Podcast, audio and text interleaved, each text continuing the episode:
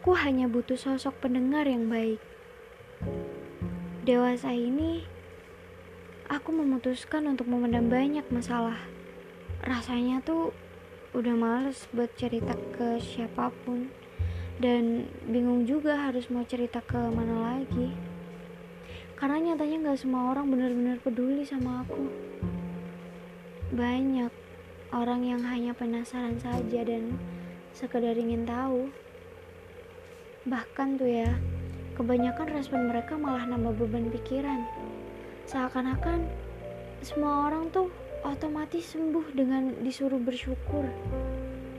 Semenjak itu, aku merasa se seperti gak ada yang benar-benar mendengar. Ya, akhirnya jadi sering ngeluh di sosmed. Tapi bukan karena aku gak bersyukur. Aku hanya ingin meluapkan keresahan yang gak bisa diungkapkan di dunia nyata. Kalau sudah begitu, beri saran seperti gak ada gunanya. Barangkali dia hanya butuh didengarkan untuk memastikan bahwa kamu ada dan dia tidak sendirian menghadapi masalahnya.